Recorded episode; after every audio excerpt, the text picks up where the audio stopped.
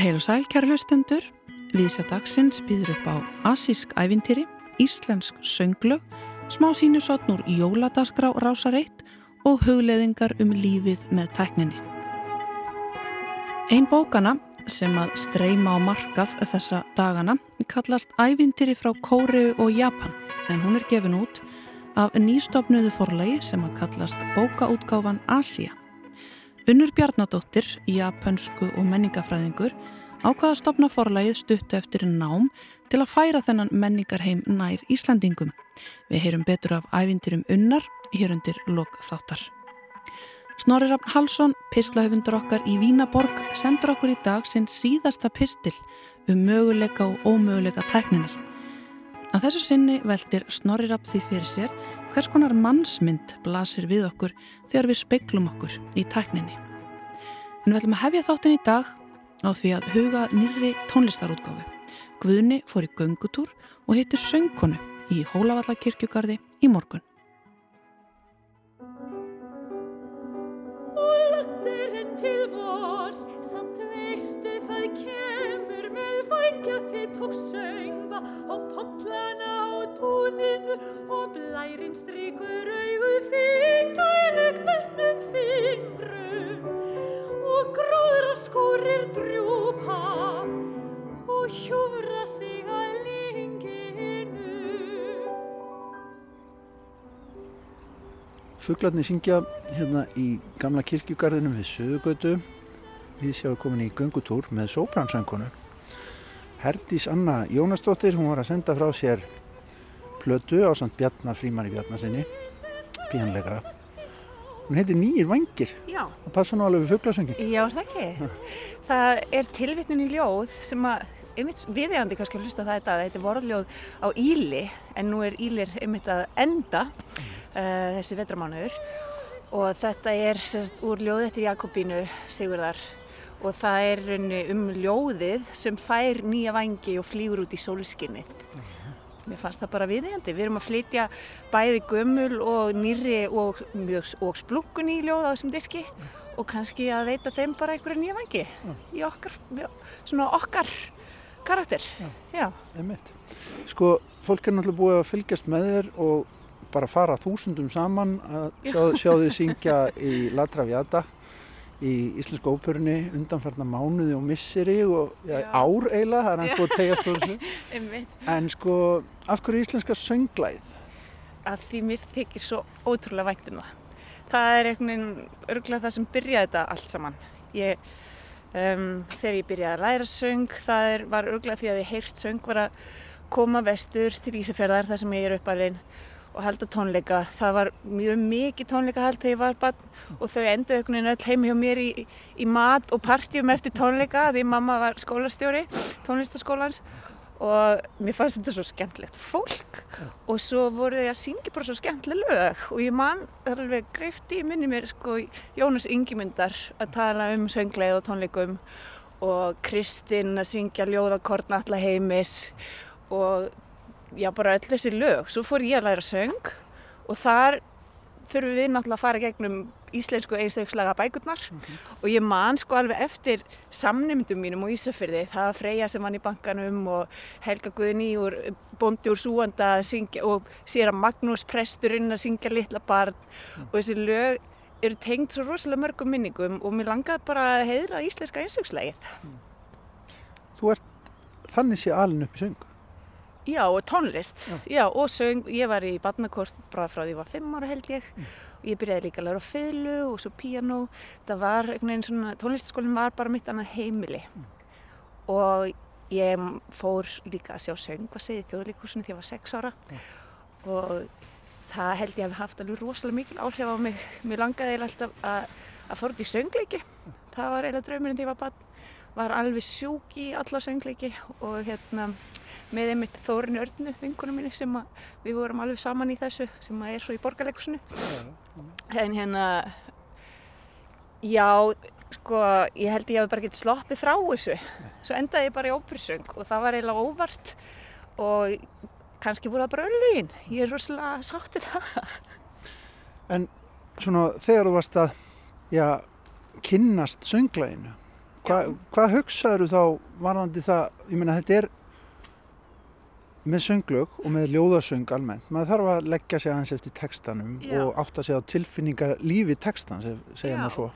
Sko, er, er, það, er það svo hlið sem hefur hellaði líka gegn tíðina? Já, og ég held, ég kannski fattaði ekki með íslensku söngleið fyrir en ég var búin að vera alltaf lengi úti og fór svo aftur að syngja, maður kemur heim og dettur ég að syngja einhver íslensku lög og það er náttúrulega miklu nærmanni að syngja á íslensku, að syngja á móðumálinu heldur en að syngja á, á þýsku eða fransku eða rúsnesku og, og það er svo miklu stittra í að sækja tilfinningarnar, að túlka ljóðið. Og, og öll þessi ljóða diskunum eru náttúrulega bara einstaklega falleg. Mér þykir rosalega vænt um þau og þessa texta. Maður þarf að sækja tilfinningarnar eða ekki, ég meina þýðir ekkit að syngja þetta eins og staf á bók eiginlega, það þarf að Nei. glæða þetta lífi. já, maður þarf að glæða þetta lífi og það er bara einfaldra ef að sko, maður þarf heldur kannski ekki að ákveða að gera það sérstaklega ekki ef maður er að syngja móðumálinu að þá tónlistin og orðin gera það svolítið fyrir mann kannski Er eitthvað sérst, einhver sérstök lög, ef þú til dæmis segir myndi, myndi fá þetta þess að bæta hér inn í já, einu lagi, hvað Sko- heldur ná þessu, þetta eru ansið mörg númer. Þetta eru dálítið mörg, við gátum eiginlega ekki alveg sleftnin úr og það eru mörg dálítið stutt líka. En sko til dæmis er litla barn með lokkin bjarta.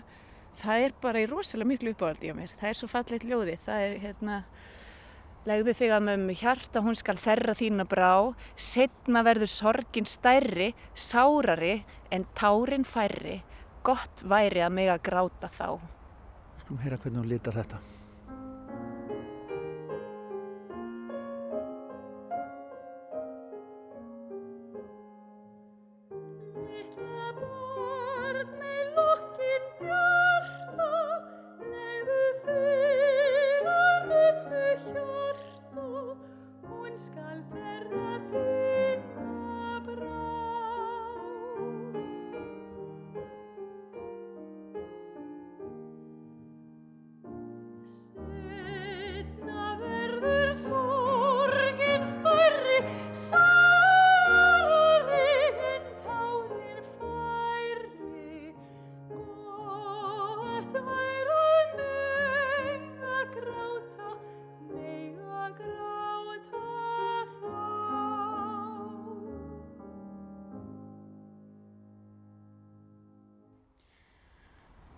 Já, þetta eru ríkar tilfinningar sem við erum Já. að vinna með hér. Þetta eru ríka tilfinningar og oft bara mjög einfalt og fallega sett fram en, en djúft á því kannski. Svona almennt um þess að sönglaga hefð, vegna þess að við höfum kannski stundum verið Já. pínulítið, hvað maður segja, feimin við hana af því að út í heimi þá eru til menn sem heita Schumann og Schubert Já. og einhverju svona kallar sko. eh, en það eru að innan um algjöra perlu sem standast algjörlega samanbyrð. Algjörar perlur. Og við, Bjarni, við fórum í gegnum bara eiginlega allan katalógin í fyrra og skoðum mjög mikið af tónlist og það var alltaf erfitt að velja úr en það eru rosalega falleg lög og mér finnst þau alveg standa samanburð við þessa útlendinga. Og svo eru líka nýrri lög. Við fórum, erum með aðeins nýrri lög líka. Þetta er ekki bara Fuglin í fjörunni og þetta gamla heldur eru líka verk eftir Haug Tómasson og, og Tryggva Baldvin sem er alveg dásamlegt Leif Þórarins og, og Jón Ordal líka. Og svo fekk ég tvö tónskáld til að semja fyrir mig lög líka. Haldur Smárasson samti lag við ljóð Sigurða Pálssonar Húsið mitt sem er alveg æðislegt. Svolítið svona mix af kannski, ég ekki pop í svona dægulag kannski, klassísk dægulag. Og svo uh, Veronik Vaka, hún samti lag við ljóð Steinunar Arbjargar uh, Vötn og það er kannski svona mest mótern læðadisknum en alveg geggja flott músík. Það er mikið vett einhvern veginn að nutta þess aðeins áfram, þannig að verða eitthvað nýtt til. Mér finnst það og mér fannst nefnilega mjög erfitt að finna lög fyrir þetta gamla klassíska form, söng, söngvari pjónleikari um, eftir nýju tónskáldin, ungu tónskáldin, ég vil bara hér með hvetja þau til að gera meira af þessu. Það er allt svona, þeir eru mjög duglega að segja fyrir söng og kammermúsík en það er bara erfiðar að, finna því eða kannski maður er sjaldnar að halda þannig tónleika, söngtónleika með hljóð, hljóðfærleikurum. Þetta er einfaldra form líka til að fara með út á land og þetta er bara svona mjög klassíst og skemmtilegt form og mikil nánd í því með ljóðið, söngvari, bjónleikari, áherindur. Við þetta alveg, sko, ég vil endilega bara lífga það við upp á nýtt. Tölum aðeins um að vera klassísku söngvari núna. Uh, já, við- þetta er aftur ekkert orðið neitt sérstaklega skemmtilegt. Þið náðu að halda fjórar, tín, fjórar sýningar á, á La Traviata í Íslensku óperunni sem þú varst í aðhlutverki. Svo verðist allt vera að fara í skrúuna. Uh, hver er svona tilfinningin þín núna þegar þú ert með nýjan disk í höndunum? Hvert þessu öllu? Sko, það var auðvitað bara frábært að taka upp disk í þessu, einhvern veginn, í þessu ástandi. En nú vill maður bara komast aftur í gýrin. Ég flúði eiginlega heim, flúði frá Þýskalandi og er bara búin að vera hér svolítið síðan og eiginlega ekki að nenn að fara aftur út alveg strax fyrir en þetta bara komið í lag og ég held kannski að væri, við værim svolítið þar hér á Íslandi en ég á að syngja með sinfóninu á nýjárstónleikum eftir áramót og ég, nú veit ég bara ekkert hvað hvernig það verður. Þeir, það, við áttum að gera það í janúar og nú kannski, já, ég bara verð bara að býða og sjá til hvernig verður. Já. En í svona þessu ástandi að, að halda sig við, þroska sig, að, að halda áfram að músisera, ég meina þú fær þarna Bjarna, náttúrulega frábæran hérna, meðleikara með þér til þess að þróa þetta verkefni, en svona bara þetta með toppstykkið að, að, hugsa áfram. Góð spurning. Ég held sko að þessi samvinna með Bjarnar hafi kannski bjargað mínu toppstykki. Við unnum mjög mikið saman í fyrra og hérna, það var bara alveg ótrúlega uh, falleg vinna og skemmtileg og gaf mér mjög mikið. Og annars er þetta auðvitað bara búið að vera mjög erfitt og ég er ennþá í ykkur limbo hérna milli Íslands og Þýskalands.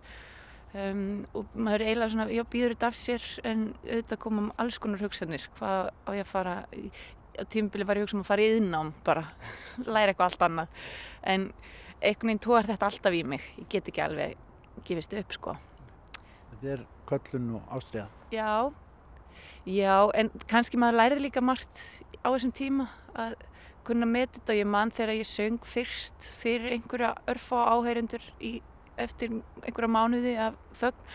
Og það var bara, það var alveg ógleymanleg stund. Það voru allir svo þakkláttir og ekki síst ég. Já, þannig að maður er búin að læra ímislegt líka og þetta var líka góðu tími til að bara aðeins að taka því rólega og ég er búin að æfði mig mjög mikið á tímbili og það var gaman. Ef ég spyrði um, af því að söngvarar eru stundum alltaf draumur og mannskjur, ef ég spyrði Já. bara um drauma, hver eru draumandir? Draumarnir, það er eiginlega bara erfið spurning ég hef ekkert spáð mikið í það. Ég vil eiginlega bara vinna tónlist með góða og skemmtilegu fólki og skapandi. Og, og mér þykir rosalega gaman í vinnunni og að gera betur og æfa og endurtaka. Mér finnst það mjög skemmtilegt og ef ég teki fyrir til þess þá er ég bara nokkuð vel sett. Maður verður að finna á sér að maður sé að þroskast ekki. satt?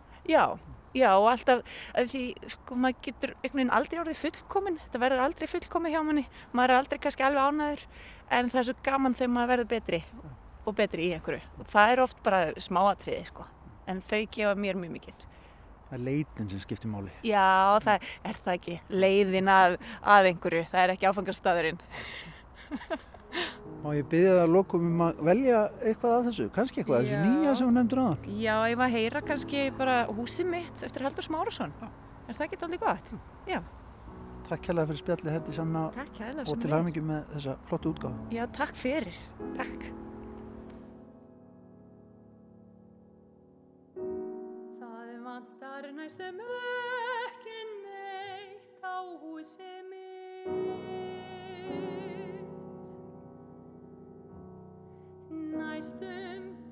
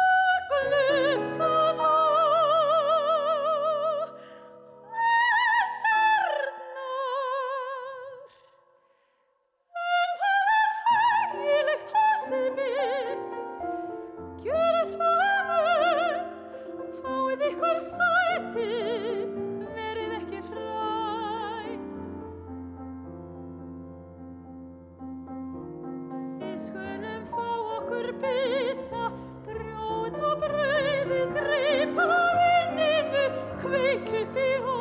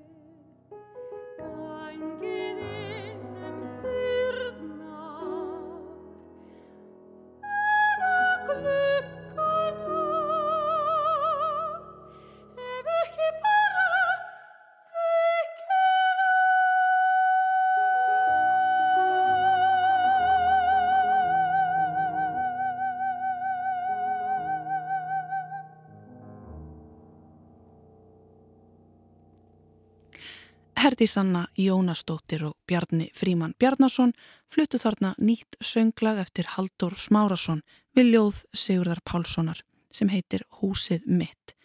Þetta er af nýri plötu þeirra sem heitir Nýjir vangir. En þá tekur Snorri Rafn Halsson við.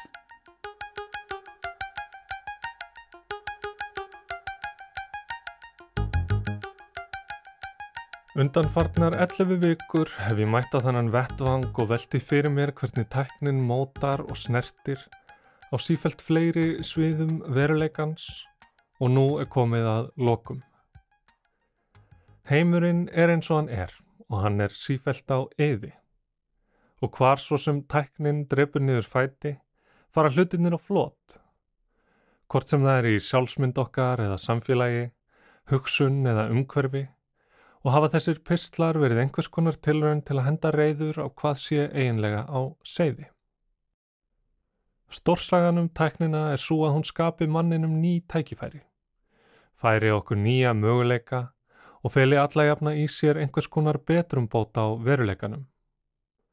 Að rétt handan við hornið þegar næsta tæknibilding verður býði okkur drauma veröld þar sem við getum kvart öll okkar vandamál útrýmt þeirri óskilvirkni sem háir okkur ósvo ófullkomna mannfólkinu og lifað strömlínulöguðum lífum þar sem hverskins núningur og óþægindi heyra sögunni til. Stórsagan hveður einni á um að þetta sé þróun sem ekki er hægt að stöðva. Framgangur tækninar sé eins og náttúrulögmál sem þýðir lítið að reyna að breyta, við verðum einfaldlega að laga okkur aðinni og því fyrr og því betur og því meira sem við tilengum okkur tæknina, því auðveldara verður það. Raunin er hins vegar svo að rétt eins og tæknin er færum að brjóta niður múra, þá getur hún reist á líka. Rétt eins og hún getur auðveldað tilveruna þá flækir hún líka stundum hlutina. Rétt eins og tæknin getur vikað út sjóndeildar hring okkar og komið okkur í tæri við hugmyndir og fyrirbæri sem aldrei er þau annars á vegi okkar, getur tæknin líka takmarkað sjónarhóttn okkar. Og rétt eins og tæknin er fyrir okkur, þá getur hún líka þvælst fyrir okkur. En sama hvað því líður, hvort sem það er til góðs eða íls, óvart eða af ásettur á því, hvort sem okkur líkar það betur eða verð, þá er tæknin orðin hluti af okkur. En hver erum við eiginlega? Hvar stöndum við í þessu öllu saman? Þegar við speklum okkur í tækninni, hvers konar mannsmynd starir tilbaka? Okkar vestræna heimsmynd byggir á því að maðurinn sé sinn eigin skapari, drottnari náttúrunnar, að veröldin sé hér fyrir okkur til að gera það sem við viljum með hana. Við erum í bílstjórasætinu og búum okkur til tæki og tól. Beitum vélum og vísindum til þess að fullkomna stjórn okkar á umheiminum, ná betri tökum á honum, gera meira og geta meira. Og það er þessi hugmynd sem tæknin lofar að fara með alla leið, að leysa allan mottin úr læðingi, að tæknin verði tólið sem við getum notað til að gera hvað sem er, með því að beita því á hvað sem er, ofur magnaður sköpunarkraftur í höndunum á okkur. Svo sjálfsmynd sem tæknin ætti þá með réttu að sína er mynda manni sem getur allt, en svo er ekki. Verkfærin sem við beitum á náttúruna til að rekta hana og bestla, ummynda og færa okkur í nýtt, beinast út af við. Örin leikur frá manninum í áttina að heiminum og við tilengum okkur hugsunarhátt tækjana sem við búum yfir og það mótar hvernig við sjáum heiminn. Grjót hættir að vera bara grjót og verður að byggingarefni, mögulegu skjóli, kastala sem bara þarf að reysa. Mold er ekki bara drulla heldur tilvonandi akur sem hægt er að plæja. Á er ekki bara vatn, heldur síki, rafmagn, auðlind. En tækni dagsins í dag beinist í símeiri mæli að okkur sjálfum. Við erum ekki lengur bara notendur tækninar heldur viðfangannar og við það erum við ekki lengur einbyrjir drottnarar heldur um leið þegnar. Svo til að skilja hvernig við sjáum sjálf okkur þurfum við að skilja hvernig tæknin sér okkur. Hvaða maður það er sem tæknin beinist að. Tækni lausninar sem lofa að bæta líf okkar og líðan sjá tilveruna sem tæknilegt vandamál sem hægt er að leysa. Ekkert vandamál er svo smátt eða svo stórt að ekki sé hægt að tækna sig í gegnum það. Og ef það er ekki hægt að leysa það, þá er það ekki vandamál. En tæknin krefst þess að fyrst séum við þitt yfir í tölur og gögn. Upplýsingar sem hægt er að beita reiknireglum á til að best okkur sem manneskur. Þannig ræðst hún gegn óskilvirkninni sem er innbyggð í okkur og býður upp á strömlinu lagaða tilveru bútaða niður í ráðalaða dagskamta. Átta tíma svefn, rétt magna af hittaeiningum, nægileg reyfing og hæfilega mikill skjáttími. Ef Taylorismin skilgreindi og skilirti verksmiði vinnu við upphaf 20. aldarinnar, hafa snjallúrin og helsu armbundin, hugleðslu öppin og skrefamælarnir reknað út restina af tilverunni við upphaf þeirrar 20. og 1. Gögnunum er stilt snirtilega upp á þar til gerð skjáborð, svo hver og einn notandi getur verið sinn eigin yfirmaður og harstjóri, sem hefur það eina markmið að hámarka árangur og lámarka hverskins núning. Subjekt og objekt verða ein og sama vélinn sem rekur sjálfa sig eins og fyrirtæki. Og lofarðið um nökralösa tilvist hvetur okkur líka til þess að slípa kantana af okkur. Verða meira eins og vélarnar. Þegar við tölum við tækin okkar, kaupum okkur riksugu vélmenni eða sækjum um vinnu, þurfum við að skapa sjálf okkur í þeirra mynd og móta umhverfið að þeirra þörfum ef við viljum að vélarnar sjá okkur og taki marka okkur. En gögnin eru ekki bara fyrir okkur. Við verðum að auðlind sem draga má sem mest út úr þegar við ferðumst um hraðbreytir internetsins og fyrirtæki sapna gögnum um hegðun okkar og val og nota til að skapa ímynd af okkur sem neytendum. Ímynd sem við höfum ekkert um að segja, ímynd sem er ekki af okkur eins og við erum, en ræður því algjörlega hvað verður á vegi okkar, hvert göturnar liggja að lokum og hvert splundruð aðtegli okkar beinist. Og þegar við sjáum ekkert nema varning til sölu og okkar ónáttúrulega umhverfi er undirlagt markaðs hugssjónunni og við erum sífælt áverpuð sem neytendur, verðum við eins og leir í höndunum á þeim sem beita tekninni á okkur. Og það sem ekki má bæta því skal skipt út. Hugsun okkar og hegðun getur verið til vandræða fyrir tekni hugssjónina. Hún fylgir ekki alltaf skilgrindum formúlum er hægfara í eðli sínu, óáreiðanleg og óútreiknanleg.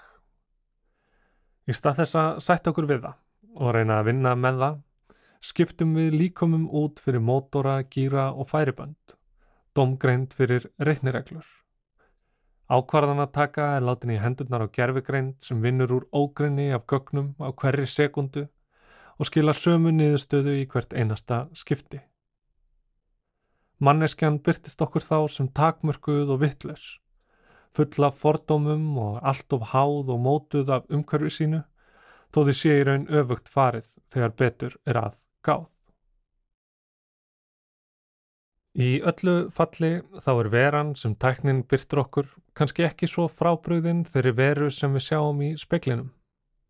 Þeirri veru sem við þekkjum af eigin raun af að vera slík vera eftir allt saman. Við erum ófullkominn og óáreðanleg, óskilvirk og ósamkvæm sjálfum okkur og við viljum flest reyna að bæta úr því, gera betur og vera betur. Þar eru speilin og tæknin sammála. Munurinn er hins vegar sá hversu langt við erum tilbúin að ganga til þess að besta þessa vél sem við erum. Í raukvísi tækninar þar sem hlutirnir er annarkvort svartir eða kvítir, í lægi eða úr liði, köttur eða ekki köttur, gróði eða tap, dugir ekkert minna en algjör yfiráð, fullkominn stjórn á viðfanginu. En þó við séum í símeiri mæli viðfangtækninar erum við ennþá notendur hennar. Tæknin er ekki sjálfstætt afl þó stundum tölum við þannig til einföldunar. Heldur er hún eitthvað sem við gerum. Tæknin er það sem við tæknum með og við þurfum ekki að fallast algjörlega á þá raukvísi sem býr í henni og býr að baki henni. Okkur er lofað strömlínu lagaðri og fullkominni tækni útópíu ef við gerum það og breytum okkur í vélar því það er það sem til þarf. En það stendur alltaf eitthvað út af. Það er alltaf eitthvað sem tæknin nær ekki utanum og frá sjónarhóli hennar er mennskan líklegast gatið í reiknireglunum óreiðan í líkaninu. Við erum þegar allt kemur til alls, kannski ekkert, nema villan í kóðanum.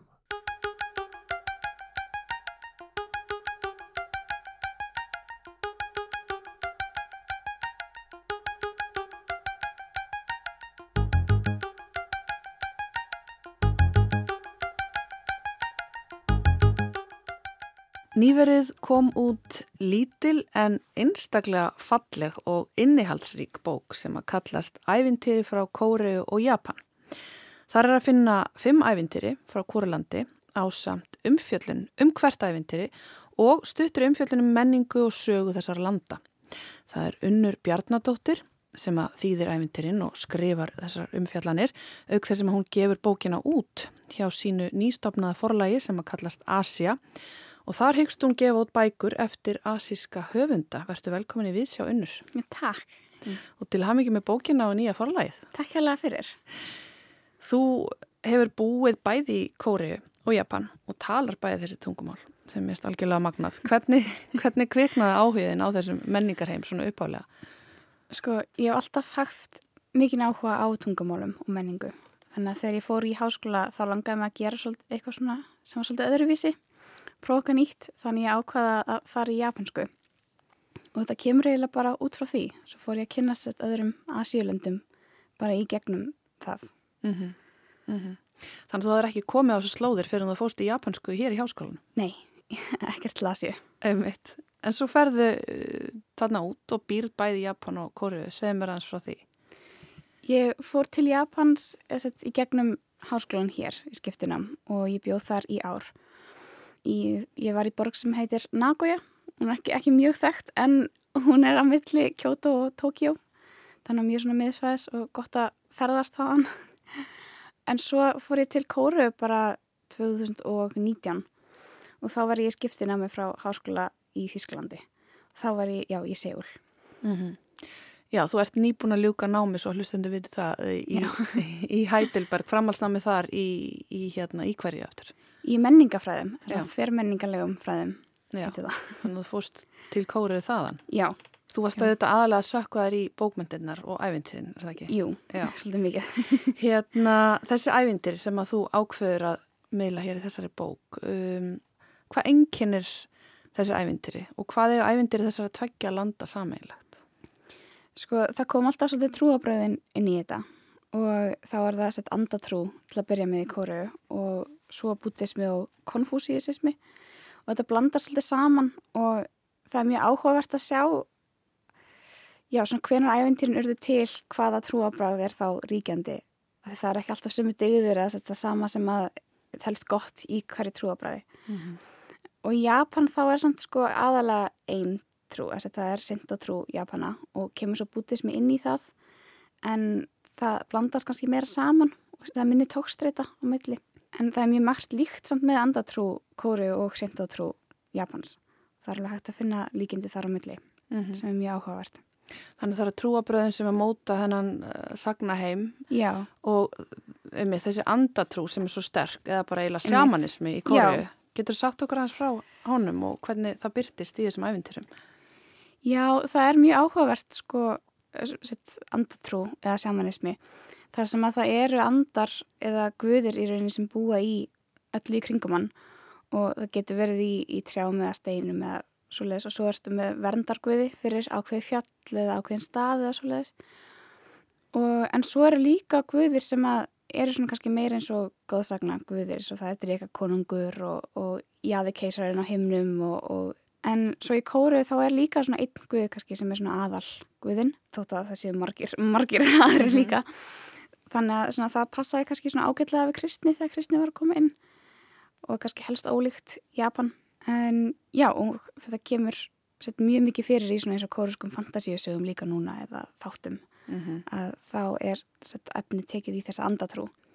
Já, mann finnst maður að sjá þetta einmitt bara í sko menningarefni frá Kóriðu í dag og það er mikið um það svona einmitt að dýr blandist Já, manneskjum og, og allt er þetta einhvern veginn ein heild, eða ekki? Jú, þetta er svolítið þannig sko. Mm -hmm. Og það er líka endurfæðing stundum og sett, já, maður getur endurfæðist sem hvað sem er í rauninni, ekki endilega manneskja. Mm Einmitt.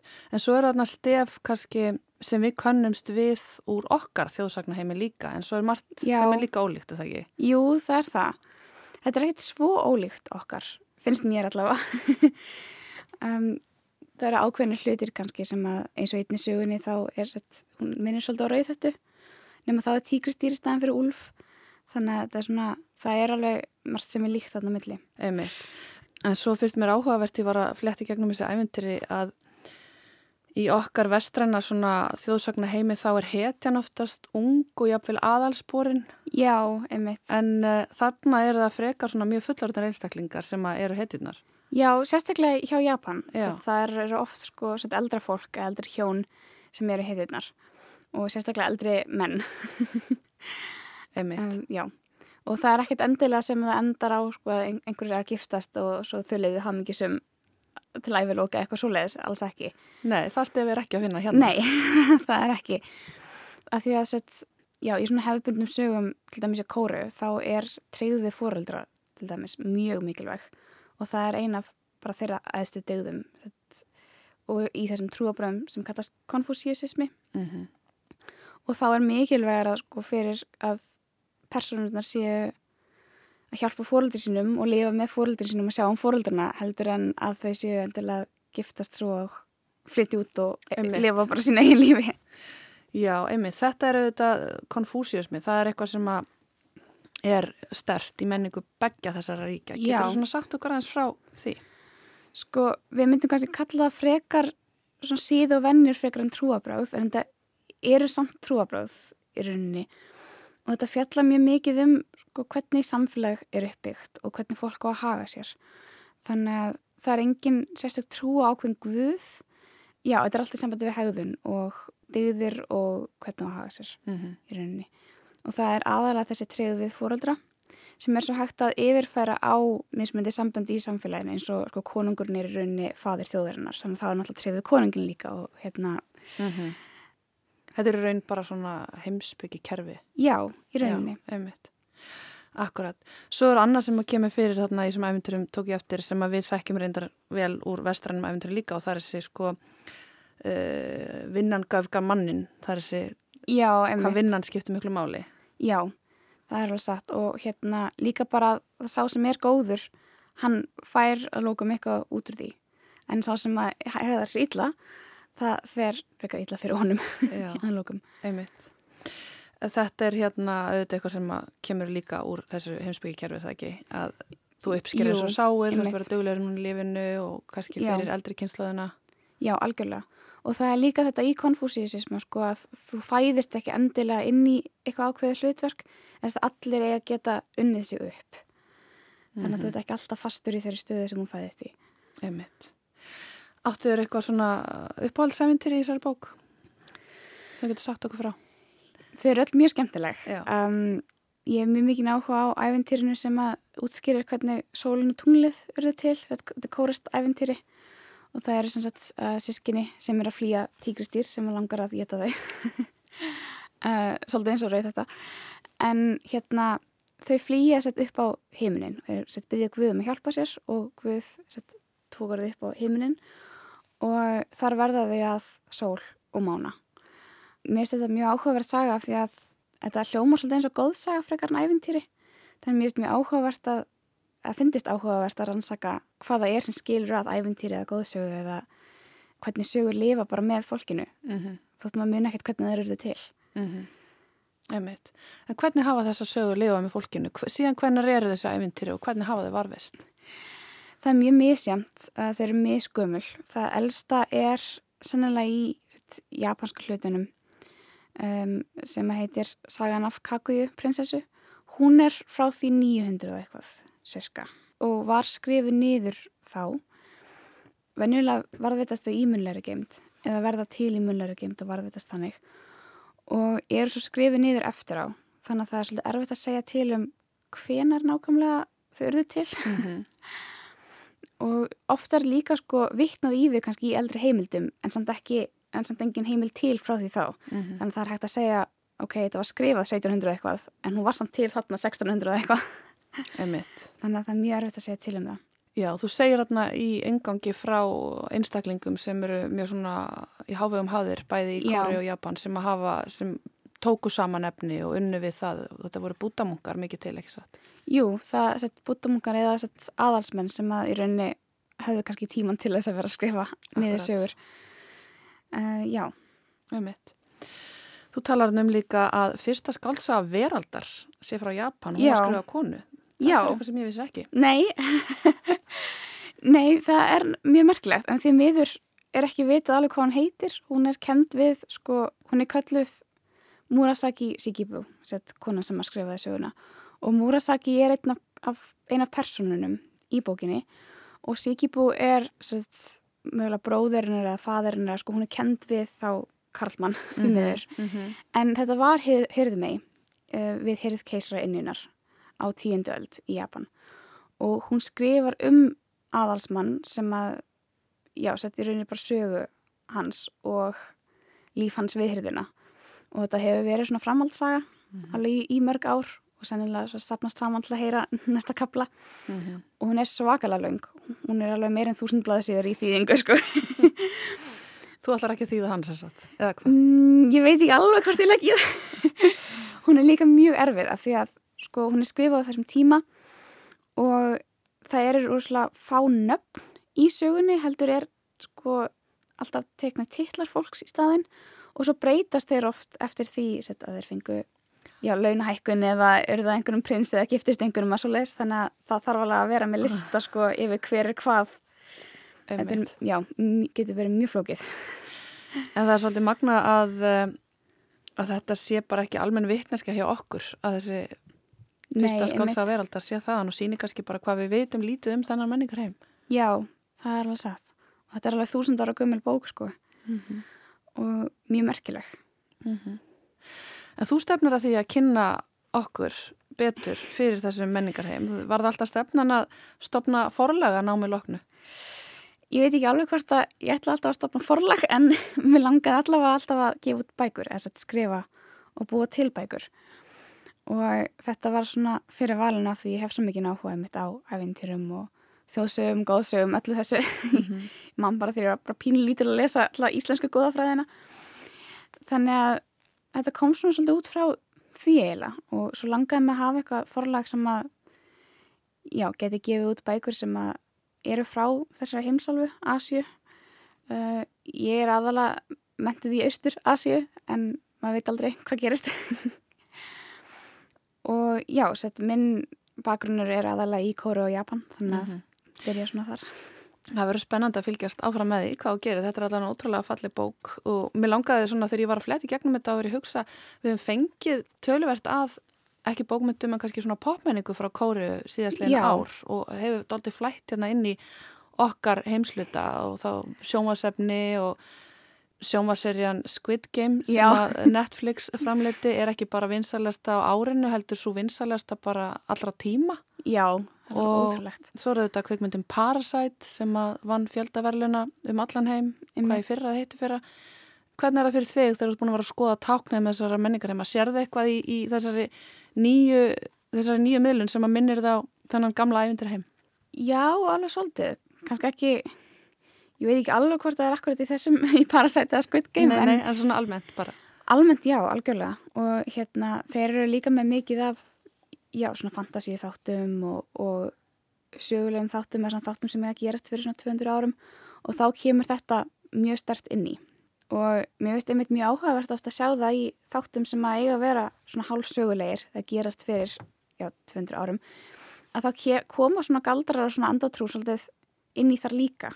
Svona pínu eins og þetta hafi bara verið hluti af lífi fólks á þessum tíma, sem það var sannilega. Mm Og já, þeir eru náttúrulega með mjög ríka menningarheim í svona fantasíu og svoleiðis og það er oft mjög skemmtilegt að já, því. ennþá yfir Já, algjörlega. Já, algjörlega.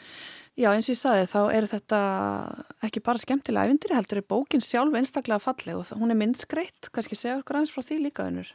Já, hún heitir Elisabeth Rún sem að vera myndskreita uh, mjög góð vinkonu mín. Og hún setti líka bókina upp og það er svona henn að þakka hún er svona falleg. Um, Já, hún sett, hefur verið svolítið í myndskreitningum undarfarið hún var að myndskreita fyrir solkerfið bókina eftir Sævar Helga. Og já, gaf líka nýlega út bókina Kvár sem er svona um það að vera kynsein sem svona mikið, mjög mikilvægt að, að fræðast um. Og já, ég bara, það var mjög skemmtilegt að vinna saman við hefum þakst alveg síðan í mentaskóla þannig að þetta er svona fyrsta verkefni okkar saman Já, til að mikið með það, fallegt samstarf. Já, takk Um, og við ætlum bara að enda hér. Takk fyrir þetta skemmtilega spjall, Unnur Bjarnadóttir og til hamingi með bókaútgáfuna Asju og þessi ævintýri sem, að, sem að er hægt að nálgast þar núna þessa dagana. Takk hérlega fyrir Það styttist í jól ágætu hlustendur og eins og venjulega verður ykkur hlustendum rásar eitt bóðið upp á fjölbreytta og forvitnilega dagskrá yfir hátíðardagana. Til dæmis má nefna að fjalla verður um ævintýralegt líf aðtapnakonunar Sonju de Sorilla.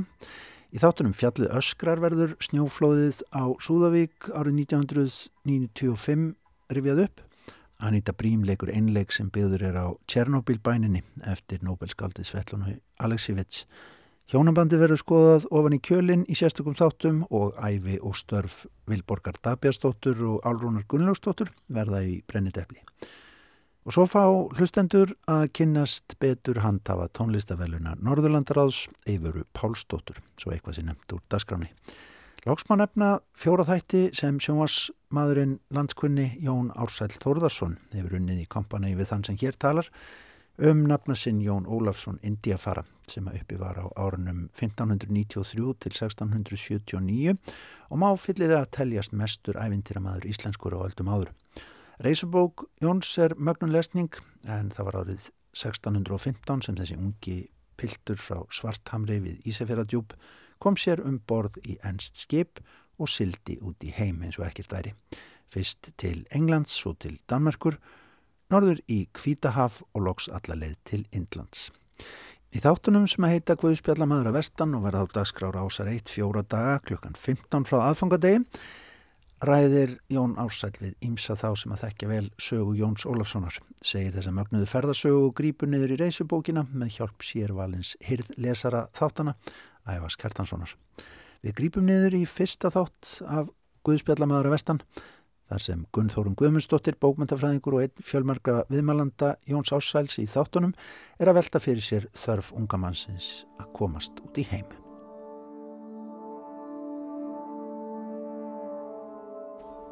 En hans tilfelli er náttúrulega mjög sérstakt. Þetta er greinilega svona ævintýra þrá sem að grýpur hann þarna og líka einhvers konar, já, þrá eftir að koma spurt kannski úr fátaktinni og, og, og eiga möguleika á einhverju annars konar lífi en, en þarna var í bóði. Um, þannig að einu leiti er þetta bara svona personubundið og, og bundið við þennan, þennan mann. En svo líka sínir þetta bara að Ísland var alltaf í tengslum við umheiminn að einhverju leiti og var alltaf í tengslum við bókmentir annar staðar þó að, þó að það er kannski ekki verið í, neinu hérna, svipuðu magni og nú er en, en þá enga síður þá var þá hafði hann lesið alls konar og, og, náttúrulega eftir hann skrifar þetta, áður hann skrifar þetta þá hefur hann náttúrulega þýtt ímislegt og, og þannig að, að hann er þannig að skrifa sig inn í einhverju hefð sem hann þekkir að einhverju leiti. Þannig að hann er bæði, er hann svona, já, bara fátæki sveitadrengurinn og bráð ungi fátæki sveitadrengurinn sem að fer út í heim og hins vegar er hann svona sjálfmentaður á konu leiti og er inn í, inn í hins bókmyndun. Jón Ólafsson var sagður viðförlasti Íslendingu sinnar tíðar næst yngstur 14 sískina, það sem aðeins þrjú þeirra komist á legg. Uppáttækja samur strákur og stöðugt við það að fara sér á voða. Við vitum að hann var aðeins 5 ára, næri druknaður í bæjaleknum heima á Svarthamri. Hann hafði þó tekið vögguna sem hann svaf í sem ungabarn og notaði hana sem skip til að sigla niður bæjalekin. Ítem í öðru sinni þá ég var átta vetra gamall er ég á einum laugardegjum sumarið var með haldóri bróður mínum riðin í veiði ár fram í fjörð. Lá mér við að drukna á þeirri stóru fjörðar á er svo kallast en bróður minn haldur kom mér með Guði til hjálpar.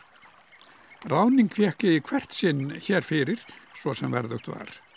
Mín elsku móðir bar stóran kvíða fyrir mér við vatsföllum allra helst og mæltu hún það og margir að mér myndi öðurnast yfir vötn að ferðast.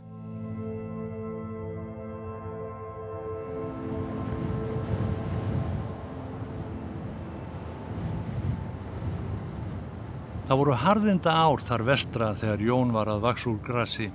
Öldin hefur reynda fengið þann dóm að vera kölluð daburlegasta öld íslenskra sögu. Veturinn 1603, þegar Jón er 10 ára gammal, var nefndur píningur eða píningsvetur og segir í ballara ár annál að fólk hafi steikt sér til matar yfir eldi bein úr haugum og getið forna skó. Um þorra rak hafís að Norðurlandi, bjardir gengu við á land og í byrjun mæ fórust 13 skip á breðafyrði og af þeim druknuðu 80 menn. Í ballarár annál segir ennfremur að sumir þeir er til sjávar fóru höfðu eigi annan mat með sér en stektu nokkuð af nautshúðum á kvöldum sér til matar. Sama árið og Jón fer utan urðu hinn frægu spánverjavík á vestjörðum þegar Ari Síslumöður í augri stóð fyrir því að drepa átján baskneska skipbrótsmenn í Æðei og á Sandeyri en dýrfyrðingar drápuð 13 baska á fjallaskaga.